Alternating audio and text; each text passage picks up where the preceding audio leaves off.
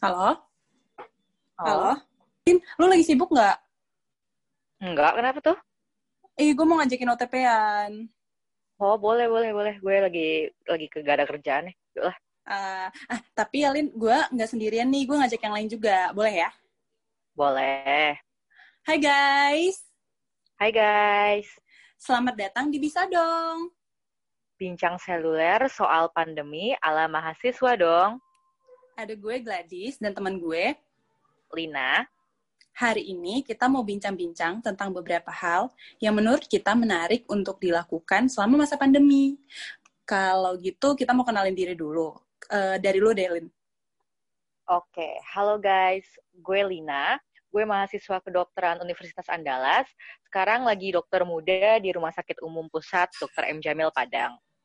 Hmm, kalau gue sendiri, gue juga mahasiswa UNAN, cuman gue baru selesai ujian kompetensi dokter, dan sekarang lagi nunggu untuk ngangkat sumpah dokter. Nah, jadi segitu pengenalan perkenalan kita. Sekarang kita mau sharing. Nah, kita mau sharing tentang apa nih, Lin? Oke, jadi guys, kemarin ini gue dan Gladys sempat nemu buku nih. Judulnya The Life Will, Seven Aspects of Who You Are. Nah, buku ini ditulis oleh seorang psikolog di Amerika yang udah punya banyak banget pengalaman praktek sebagai psikolog. Sekitar 4, 41 tahun, guys. Gitu. Lama banget. Lama banget. uh-uh. Terus di buku ini ngebahas tentang tujuh aspek dalam diri manusia yang membentuk seseorang. Dan ternyata aspek tersebut dipengaruhi oleh faktor internal dan eksternal. Bener banget. Uh, nah, sekarang kan kebetulan nih kita lagi era pandemi. Kita mau sharing nih tentang beberapa aspek hidup tersebut. Singkatnya sih ya, gue dan Mhm. Gladys pengen sharing soal gimana sih cara kita sebagai manusia dan gue nih sebagai mahasiswa survive di era pandemi ini gitu ya. Iya, iya, bener-bener. bener. Uh, sekarang yang pertama yang mau lo sharing tentang aspek apa dulu nih, Dis? Hmm, dari gue dulu ya. Kalau gue mungkin karena gue udah bukan mahasiswa lagi, jadi gue nggak bakalan ngomongin tentang hal-hal yang mesti gue pelajari sebagai mahasiswa gitu. Eh, tapi gue lebih ke self improvements. Eh. Baru-baru ini kayak minggu lalu banget ya, minggu lalu banget gue baru ikut hipercast. Lu tau nggak hipercast apaan, Lin? Gak tahu apaan tuh ya? Nah, jadi hipercast itu kayak sertifikasi untuk tenaga kesehatan supaya bisa kerja di perusahaan, kayak jadi dokter perusahaan gitu. Oh, berarti kalau gue nih udah jadi dokter umum atau kayak lu belum belum angkat sumpah dokter tapi lagi nunggu angkat sumpah, gue bisa gitu Hmm. ya ikut hipercast kayak lo gini. Bisa banget, bisa banget. Malahan gue saranin kalau emang sumber dayanya memungkinkan, sekalian manfaatin waktu kosong juga gitu. Jadi kan keren aja tuh, kayak eh, lu belum angkat sumpah tapi lu udah tersertifikasi hipercast gitu.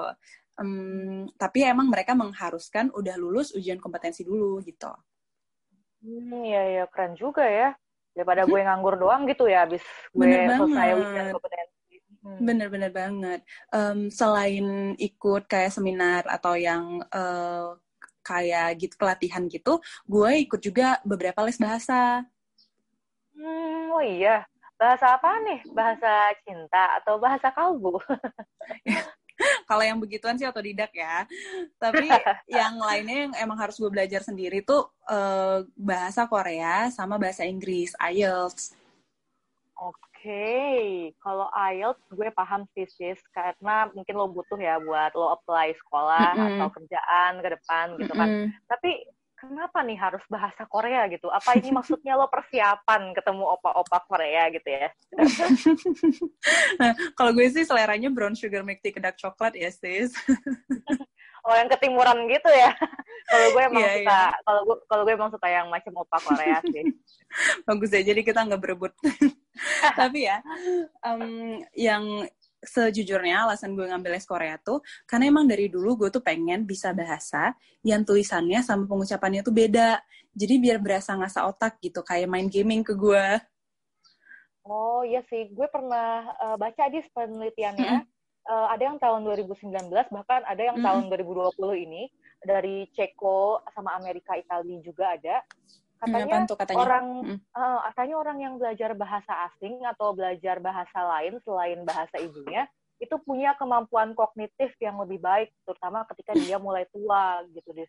Lebih pinter gitu, lebih aktif otaknya.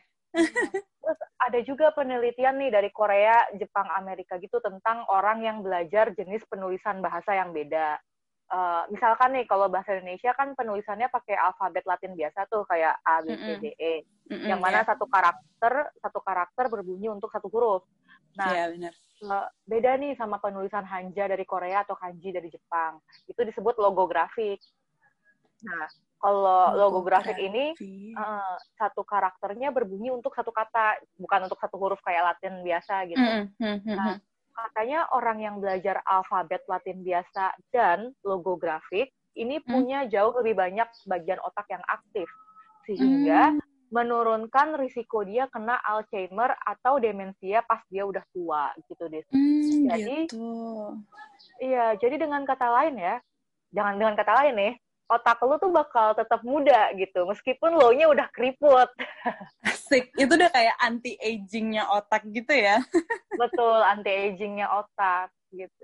Gila-gila nih info baru yang bikin gue jadi makin semangat nih untuk latihan bahasa Korea gue.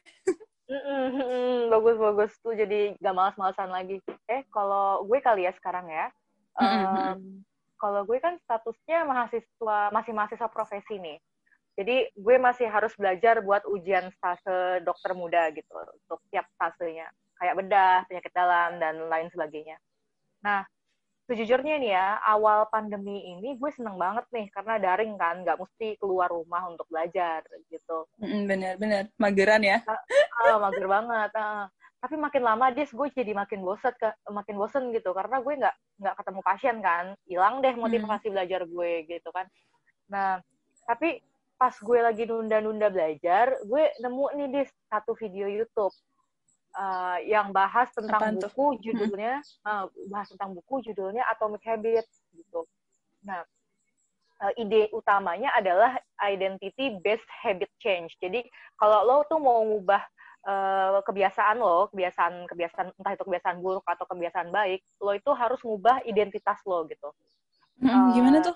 Kayak ganti nama gitu bukan bukan contoh nih kayak uh, gue gue ngerokok nih gue ngerokok dan gue pengen mm -hmm. uh, berhenti ngerokok gitu nah ketika ada orang yang nawarin gue rokok gue bakal bilang eh tapi gue udah nggak ngerokok nih gue lagi berhenti ngerokok gitu kan nah hmm. nanti tuh orang itu bakal bisa bilang kayak ya elah satu doang ini aja lah sekali gitu ntar abis sekali ini lo mulai lagi berhenti ngerokok gitu sama orang kayak diet hmm. lah kayak kayak diet gitu kan uh, kayak gitu juga ya, iyalah sehari sehari doang besok lo mulai lagi dietnya kayak gitu kan hmm, nah hmm. tapi kalau gue ubah identitas gue ketika misalkan lo nawarin gitu kan nih uh, rokok lin gitu kan terus gue bakal jawab gue bukan perokok gitu hmm. nah lo bak lo gak akan bisa nawarin gue lagi dan gue juga akan akan apa ya akan uh, bilang ke diri gue sendiri kalau memang rokok itu bukan bukan barang gue gitu. Karena gue bukan perokok mm. jadi identitasnya tuh beda. Merubah gue udah berhenti ngerokok menjadi gue bukan perokok gitu. Jadi nah, kayak emang lu mindset berubah mindsetnya jadi kayak mengikuti gitu behavior lu gitu, gitu. Kayak perilaku oh, lu berubah betul. seiring dengan yang lu bilang ke diri lu gitu ya? Betul. Perilaku gue berubah sesuai dengan identitas yang mm. gue pasang di diri gue mm, gitu. mm, mm, mm, karena iya otak uh, otak manusia itu sama suka sama hal-hal yang konsisten kayak perubahan perilaku ya harus konsisten dengan identitas dia kayak gitu. Mm -mm, Jadi mm -mm. ini gue gue terapin ke akademik gue. Gue nggak mm -mm. gue nggak bilang oke okay, oke okay, gue harus mm. rajin belajar. Gue nggak bilang kayak gitu lagi sekarang. Gue bakal mm -mm. Jadi bilang, gimana? Gue bakal bilang gue pelajar yang rajin atau gue bakal bilang gue uh, instead of gue bilang gue harus rajin baca nih gitu. Gue bakal bilang gue memang pembaca yang rutin gitu. Jadi Jadi kayak gue, even though you haven't been doing it right now gitu kan, tapi kayak karena lu bilang kayak itu ngedorong lu untuk memang melakukan sesuai dengan yang lu bilang gitu ya. Betul, betul. Jadi gue sesuai nah, dengan gitu. identitas yang gue pasang. Yang yang lu pasang. Oh, gitu gitu uh, ngerti ngerti jadi, ngerti ngerti. Dan ini dan ini bagus banget sih karena profes bedanya profesional sama awam adalah kalau hmm. awam dia nunggu dapat mood dulu atau dapat inspirasi dulu baru hmm, mulai kerja hmm. gitu kan. Hmm. Kalau seorang profesional kalau seorang profesional dia bakal dia bakal kerja dulu baru nanti mood sama inspirasi belakangan uh, ikutan kayak gitu nah gue pengen menjadi seorang profesional gitu nah itu uh, aspek self improvement gue. Hmm, ya gue setuju banget sih, gue setuju banget. Karena ada yang bilang, waktu itu gue ada baca ya, yang bilang kayak gini nih, uh, yang bikin lo memulai itu adalah motivasi, tapi yang keep you going itu disiplin gitu. Jadi lo nggak bisa berharap sepenuhnya sama si motivasi lah, si perasaan lah.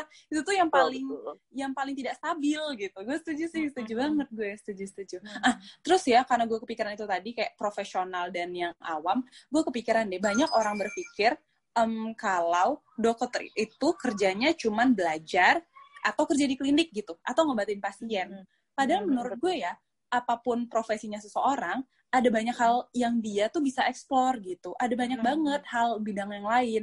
Apalagi nih di masa pandemi, kita punya banyak waktu kosong gitu kan. Hmm, dan salah satunya menurut gue yang bisa banget diasah selama masa ini itu adalah bidang kreatif gitu, yang menghasilkan sendiri gitu. Kalau menurut lu gimana, Lin? gue juga mikir kayak gitu sih. Hmm, mm-hmm. Kalau lu sendiri ada nggak bidang kreatif yang lagi lo kembangin sekarang?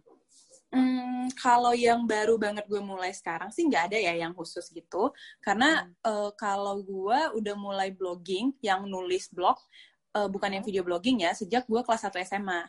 Karena emang gue tuh suka uh, sharing ideas gitu. Kayak hal yang menurut gue uh, baik untuk di sharing dan dia tuh akan membangun gitu untuk banyak orang. Karena kayak sekarang kan gue belum punya uang gitu kan. Gue belum bisa share yang kayak sumber daya yang lain yang bisa gue share ya ideas sekarang gitu. Hmm, gitu sih kalau gue tentang blogging gitu. Selain hmm. itu, yang menurut gue ngasah atau mendorong ide kreatif itu ngeliatin TikTok karena ya kalau menurut gue kayak uh, ada banyak banget hal-hal kreatif yang orang buat di TikTok kayak uh, mereka buat video DIY atau cooking videos yang emang uh, banyak aja hal-hal baru yang mereka buat gitu. Hmm, gitu sih gue TikTok paling satu lagi mungkin gue kayak tertarik banget nih ya pengen uh, coba face painting. Gue pengen banget tuh kayak kreasiin makeup kayak kayak kayak gitu kayak orang-orang yang ikut face painting pengen gue. Hmm, gitu. Jadi kalau face painting ini berarti lo emang udah mulai udah mulai ya di Siako. Tadi kan blogging emang lo udah mulai dari hmm, dari hmm. awal tuh. Kalau kalau face painting ini gimana? Nah itu gue belum tuh kalau face painting karena gue masih maksudnya belum mulai gitu mencoba hmm. uh, sepenuhnya gitu kan. Karena gue masih berusaha menemukan ritme hidup di masa pandemi. Kan gue uh, baru selesai uh, persiapan kan dan kayak udah hilang tuh keharusan belajar. Jadi gue kayak mau nemuin dulu gimana sih ritme yang baik buat gue gitu. Paling blogging sih yang gue emang reguler banget ngerjainnya. Oke hmm, oke okay, okay.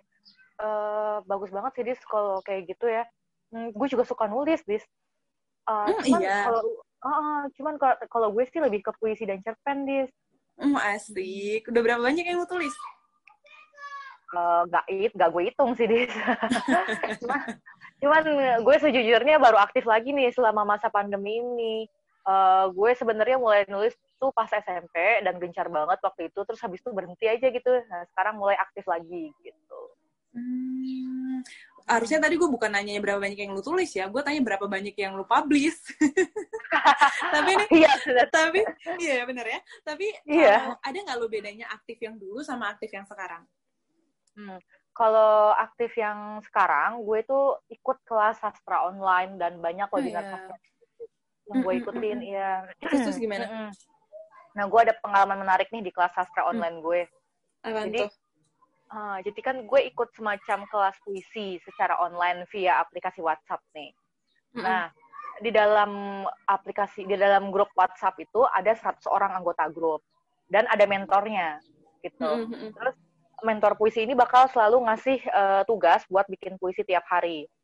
Mm-hmm. Nah, suatu saat gue ngepost nih puisi latihan gue itu di grup. Terus tiba-tiba si mentor itu bilang, gue nyontek puisi dia. Ya, Lalu dikira yang plagiat berarti gitu? Iya, betul. Gue dikira terus, plagiat. Terus? Gue kaget banget, sedih dan marah kan, karena dia bilang gue nyontek uh, puisi dia di grup itu gitu. Marah-marah gitu dia. Tapi terus terus, terus gimana? Uh, tapi di satu sisi gue juga sebenarnya takut dis kalau ternyata gue beneran plagiat. Berhubung kan gue nggak pernah nih belajar sastra secara formal. Jadi gue tuh belum tahu batasan-batasan yang disebut plagiat itu kayak gimana gitu kan. Tapi itu puisi hmm. lo tulis sendiri kan?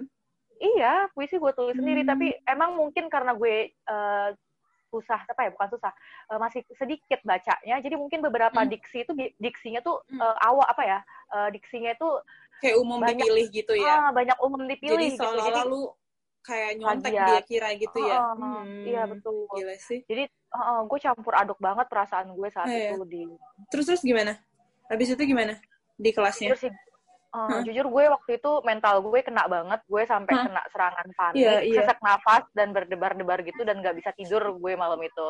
Dan terus terus uh, tiba-tiba di tengah-tengah panik itu gue dapat ide nih, gue pengen message, kirim message hmm? sastrawan dan sastra, kepada sastrawan dan sastrawati terkenal gitu di Indonesia. Uh, gue oh, juga, iya, lu message uh, dari mana? Uh, gue message dari Instagram tuh. Jadi uh, ceritanya terus terus? gue tuh gue tuh mikir kayak aduh gue harus cari orang yang punya kredibilitas dalam uh, hal uh, uh. Uh, melihat apakah puisi gue ini beneran beneran plagiat atau enggak gitu kan. Gitu. Pengen nah, membuktikan gue, banget gitu ya biar jelas ya, gitu. Betul betul. Jadi gue terus, pengen terus. message mereka dengan niat konsultasi dan bertanya gitu kan apa, apa benar hmm. gue plagiat? gitu. Jujur gue nggak ada harapan dibalas sih karena kan mereka orang terkenal ya gitu. Ayo ngerti ngerti. Terus terus terus uh, tapi ya dan dan lo dan gue sama sekali nggak kenal mereka ya. Ini gue sama sekali tidak kenal mereka. Makanya gue gue sempat skeptis kalau mereka bakal balas message gue. Tapi berkah dari Tuhan banget nih dis. Ternyata banyak dari mereka yang balas message gue dan mereka mau gitu membedah puisi gue dan ngebandingin puisi gue dengan puisi mentor oh, baik banget. Baik banget. Terus terus gimana? Dan alhamdulillah ya alhamdulillah nih kata para sastrawan terkenal ini, gue tidak plagiat. Wah, gila gitu. seneng banget kayak lega gitu langsung. Iya, lega Terus. dan hebatnya lagi ya, beberapa dari mereka justru ngasih gue masukan, ngasih gue edukasi gitu tentang puisi, dan ada yang ngasih gue kuliah private tentang puisi. Gue nggak pernah nyangka oh, orang yang super orang yang super awam soal sastra dan cuma butiran debu kayak gue bisa berkomunikasi dengan sastrawan terkenal di Indonesia yang bahkan kalau lo search nama-nama mereka gitu ya di Google bakal muncul nama-nama uh, mereka di Wikipedia karena prestasi-prestasi mereka gitu. Gila sih lu dapat kelas gratis private lagi. Gila gila hmm. gila gila. gila. Orang ternyata lagi. Iya hal-hal yang kayak sebenarnya pengalaman yang menyakitkan tuh bisa bawa berkah ya buat lo sendiri gitu apalagi kejadian ini gitu. Gila betul, sih seru-seru. Eh terus kan tadi lo bukan cuma mention tentang yang si plagiat itu aja ya tapi kan mental lo tuh kena tuh pada saat kejadian itu.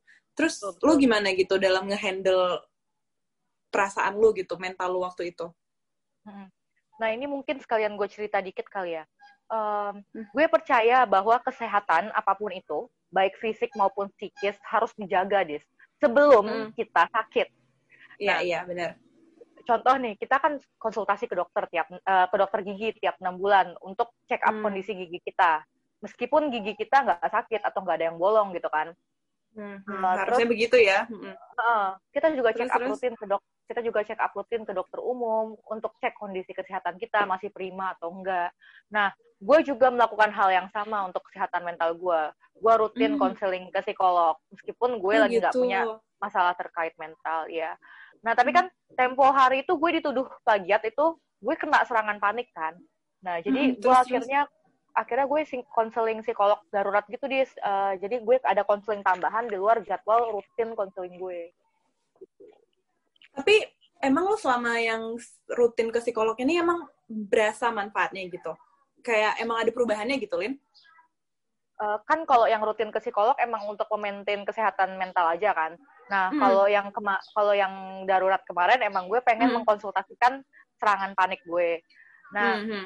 uh, emang jadi bisa cerita dengan lega dan aman sih, karena kan kalau psikolog itu menemani kita untuk melewati masalah kita gitu, dan mm -hmm. mereka itu suka ngasih tools dan alat-alat uh, semacam teknik-teknik lah dan tips-tips gimana kita -hmm. uh, melewatin kesulitan-kesulitan kita. Jadi kita bisa ngelewatin kesulitan kita ke depannya menyelesaikan masalah kita sendiri gitu. Hmm, jadi kayak lu bisa mampu masalah lu sendiri ke depannya gitu ya? Mm, betul betul. Hmm, gitu gitu. Ah, uh, itu lo ke psikolog gitu atau lo ada cara lain nggak uh, untuk memaintain kesehatan mental lo gitu atau hal yang lain yang lo lakuin? Hmm uh, terutama selama masa pandemi ini ya, Dis, gue jujur hmm. berusaha banget mendekatkan diri ke Tuhan sih. Hmm, uh, hmm, kan benar-benar. Kan Terus, gue Islam, uh, kan gue Islam hmm. nih. Gue jadi tiap hari gue ngedengerin kajian dan ceramah Islam, yang mana kebetulan ustadz yang gue suka denger ceramahnya ini sangat enak, hmm. sangat enak gitu penyampaiannya dan dia berjiwa hmm. muda banget, jadi cocok hmm. banget buat mahasiswa kayak gue. Jadi kayak berasa temen gitu ya yang ngomong ya, nyambung hmm. gitu. Nyambung betul Terus, terus, terus selain dengerin selain dengerin kajian Islam, gue juga suka baca Al-Qur'an yang mana ini bener-bener menenangkan dan menjadi terapi bagi jiwa gue sih. Yang kadang yeah, kan biasa suka galau mahasiswa, banyak tugas dan drama-drama lainnya gitu kan. Iya, yeah, iya yeah, drama-drama di koas gue ngerti banget sih. Mm-hmm. Hmm, iya sih, gue bener setuju banget sih. Uh, apa namanya kalau mendekatkan diri ke Tuhan itu adalah salah satu caranya gitu. Iya mm-hmm. benar, Dis. Kalau kalau lo sendiri gimana nih? Ada nggak cara lo memaintain sehat mental lo di tengah pandemi ini? Hmm, kalau yang khusus di tengah pandemi sih nggak ada ya, Lin. Karena sejujurnya gue, uh, dan ini semakin gue sadari di usia gue yang 20-an ini ya, gue tuh termasuk orang yang uh, golongan beruntung banget dikaruniain Allah sama ibu yang sangat terbuka dengan gue dan adik gue. Gue cuma punya satu adik, by the way um, biasanya teman-teman deket gue tuh udah pasti tahu banget seberapa deket dan transparan hubungan gue sama Mama Laura, panggilan teman-teman gue untuk emak gue gitu. Hmm, biasanya kan kayak uh, gue tuh nggak terlalu nyaman gitu loh menceritakan masa pribadi ke orang baru atau kayak temennya cuma teman biasa gitu. Gue nggak terus suka tuh curhat-curhat uh, sembarangan ke orang kayak gitu. Jadi yeah, yeah. emang pretty much my mother is my strength, my mentor in life, my best friend, my counselor gitu. Dia tuh kayak satu paket buat gue gitu. Iya iya wow mama mama Laura keren banget ini sih. Emang jadi support system lo banget gitu ya buat memaintain sehat mental hmm, lo gitu. Benar benar. Nah uh, kalau dari segi spiritual gimana dis? Mm. Kalau gue kan tadi cerita nih soal gue mendekatkan diri ke Tuhan mm. secara Islam mm. karena gue yeah, Islam. Bener. Nah lo kan Kristen nih, kan lo Kristen. Yeah, kalau yeah. versi lo gimana nih? Hmm, kalau gue ya secara spiritual, gue tuh membiasakan diri untuk selalu memulai hari. Kayak pada saat gue buka mata gitu, gue bilang kayak terima kasih Tuhan untuk hari baru ini gitu. Atau kata-kata kayak makasih Bapak, ini sudah boleh bangun hari ini gitu. Karena gue tuh percaya banget sama kata-kata gimana lo memulai hari bakal mempengaruhi gimana perasaan lo ngejalanin seharian itu gitu. Jadi kalau lu buka dengan rasa syukur dan bahagia, kemungkinan besar lu berpeluang untuk menjalani hari itu juga rasa syukur dan bahagia. Dan gitu juga waktu mau nutup gitu. Gue tuh selalu kayak ada dalam tanda kutip kata-kata yang gue pegang. Um, setiap kali gue menutup hari gitu, gue tuh bakal ngucap syukur ke Tuhan dan bilang kayak thank you for everything that had happened, thank you for everything that happened today, and for whatever tomorrow has for me, I thank you in advance. Jadi gue udah bersyukur gitu, apa pun yang ada di depan, gue tahu Tuhan bakal beserta gue gitu. Jadi lo juga tahu gitu kalau rencana Tuhan pasti yang terbaik gitu lah ya. Hmm. Nah kira-kira kayak gitu, hmm. walaupun gue kadang nggak ngerti dan kadang hmm. gimana gitu rasanya. gue juga pernah denger sih kayak yang lo sebutin itu, malah sampai bikin kayak semacam gratitude list gitu ya sebelum menutup hari. Ah Iya iya benar. Ada yang sampai kayak gitu dan menurut gue yang itu lebih bagus bagus banget. Uh, selain itu pasti ada dong yang beda dalam ritual agama lo selama pandemi ini. Di kayak hmm. gue nih kemarin pas Idul Fitri gue sholat id hmm. di kosan. Gue nggak ke hmm, masjid hmm. kayak biasa. Uh, kalau iya lagi karantina waktu itu kan ya. Hmm, betul. Kalau gue sendiri ya kalau gue sendiri sih um, pasti ada sih perubahan karena gue ingat banget terakhir kali gue beribadah ke gereja itu pertengahan Maret gitu. Hmm. Jadi setelah itu gue karantina di Padang kan, gue cuma ikut gue ikutnya ibadah online gitu. Waktu gue udah balik ke Medan, gue karantina sama keluarga gue, um, gue kita beribadahnya sekeluarga gitu. Jadi uh, tiap minggu gereja gue ngirimin tata ibadah ke jemaat, terus masing-masing ikutin di rumahnya gitu. Hmm, oh, iya. Kalau iya. secara keluarga sih gue gitu ya, tapi kalau yang pribadi sendiri yang emang gue sendiri, gue berusaha untuk tetap disiplin sama saat teduh namanya, saat teduh saat, harian. Saat teduh, oke saat iya. teduh. Jadi saat teduh itu, saat teduh itu di mana kayak lo tuh menyediakan waktu khusus untuk ngangkat pujian, nyanyi, baca firman dan berdoa gitu. Jadi hmm. hmm, emang lu ngususin waktu untuk mendengar dan berdoa gitu. Terus sama kayak lu juga, gue emang juga suka dengar kajian. Cuman kan kalau di gue sebutannya khotbah dari pendeta gitu. Oh, oh, yeah. um, paling ya yang emang menurut gue agak khusus nih ya karena di keluarga gue tuh diajarin ditanemin gitu kita tuh nggak nerima bulat-bulat apa yang orang sampaikan ke kita gitu. Siapa pun dia gitu. karena siapa pun dia dia tuh tetap manusia dan dia pasti punya salah dan hilaf gitu. Betul, jadi gue uh, berusaha banget ya supaya hubungan gue dengan Tuhan itu tuh tidak bergantung sama apa yang orang lain katakan atau sampaikan gitu karena hmm. memang harus menurut gue itu hubungan gue dengan Tuhan itu memang harus didasarkan dari niat murni hati gue untuk uh, mau mendengar dan menerima petunjuk dia, petunjuk Tuhan kayak gitu. Kalau gue betul. dari dari gue sih gitu, Lin. Hmm, gue setuju banget sih kalau emang dalam ibadah tuh kita harus didasari sama niat murni gitu ya hati kita hmm, untuk bener. beribadah ke Tuhan gitu. Hmm, Dan emang kita harus tetap critically appraise apa pun yang disampaikan orang gitu ya. setuju gue. Nah, iya, iya benar benar benar. Um, gitu sih gue kalau misalnya yang mental dan spiritual. Mungkin yang kita belum sentuh tuh ini kali ya, physical aspek kali ya, Lin, karena oh, iya. uh, di mana-mana banyak banget tuh yang ngomongin dan, dan mempromosikan nih supaya orang tuh tetap uh, berolahraga selama uh -uh masa pandemi karena kan takutnya di rumah aja malahan jadinya nggak ngapa-ngapain gitu. Betul. Kalau lu iya. gimana? Physical aspek lo? iya deh. Kenapa nih? Agak gak enak nih Iya, jujur nih, jujur nih Des, gue belum banyak olahraga. Padahal kan harusnya kita tetap olahraga ya meskipun di rumah. Uh, soalnya kan setahu gue olahraga itu bukan cuma bikin sehat fisik, tapi bikin sehat hmm. mental juga. Mm, tapi mm, mm, tapi bener, jujur bener. gue mager banget gue mager banget dan gue malah malah tidur tiduran aja gitu. Kamu berbahaya uh, gimana nih dis? Kalau kalau kalau lo ngapain olahraganya dis? Siapa tahu kan gue dapat pencerahan gitu. Kalau kalau gue sih uh, emang dari selama gue masa persiapan ujian kompetensi kemarin gue tiap hari sepedaan gitu. Jadi pas udah sekarang emang gue kosong nggak ada kayak uh, apa ya deadline khusus gitu gue uh, tetap sepedaan sama gue nambah dance workout yang gue ikutin dari YouTube gitu. Gue malah lebih kepikiran untuk kayak uh, pengen nih beli perlengkapan-perlengkapan indoor gym kayak mat lah, resistant band gitu-gitu. Cuman gue kayak uh, kayaknya belum bisa deh, gue lagi banyak pengeluaran gitu. Gue segan kalau minta-minta mulu uangnya. Jadi ya, iya kan segan. Tapi ya barang-barang itu juga bukan suatu keharusan untuk gue mau olahraga gitu. Gue tetap bisa lari, naik sepeda, ikut-ikut si dance workout itu gitu. Jadi nggak ada sih sebenarnya alasan. Kecuali emang itu ya emang kita lagi males kayak gitu. Itu sih sebenarnya kalau rasa gue. Bagus banget sih Delo, hemat dan mudah diaplikasiin gitu kan. Thank you, thank you banget loh. Sama-sama.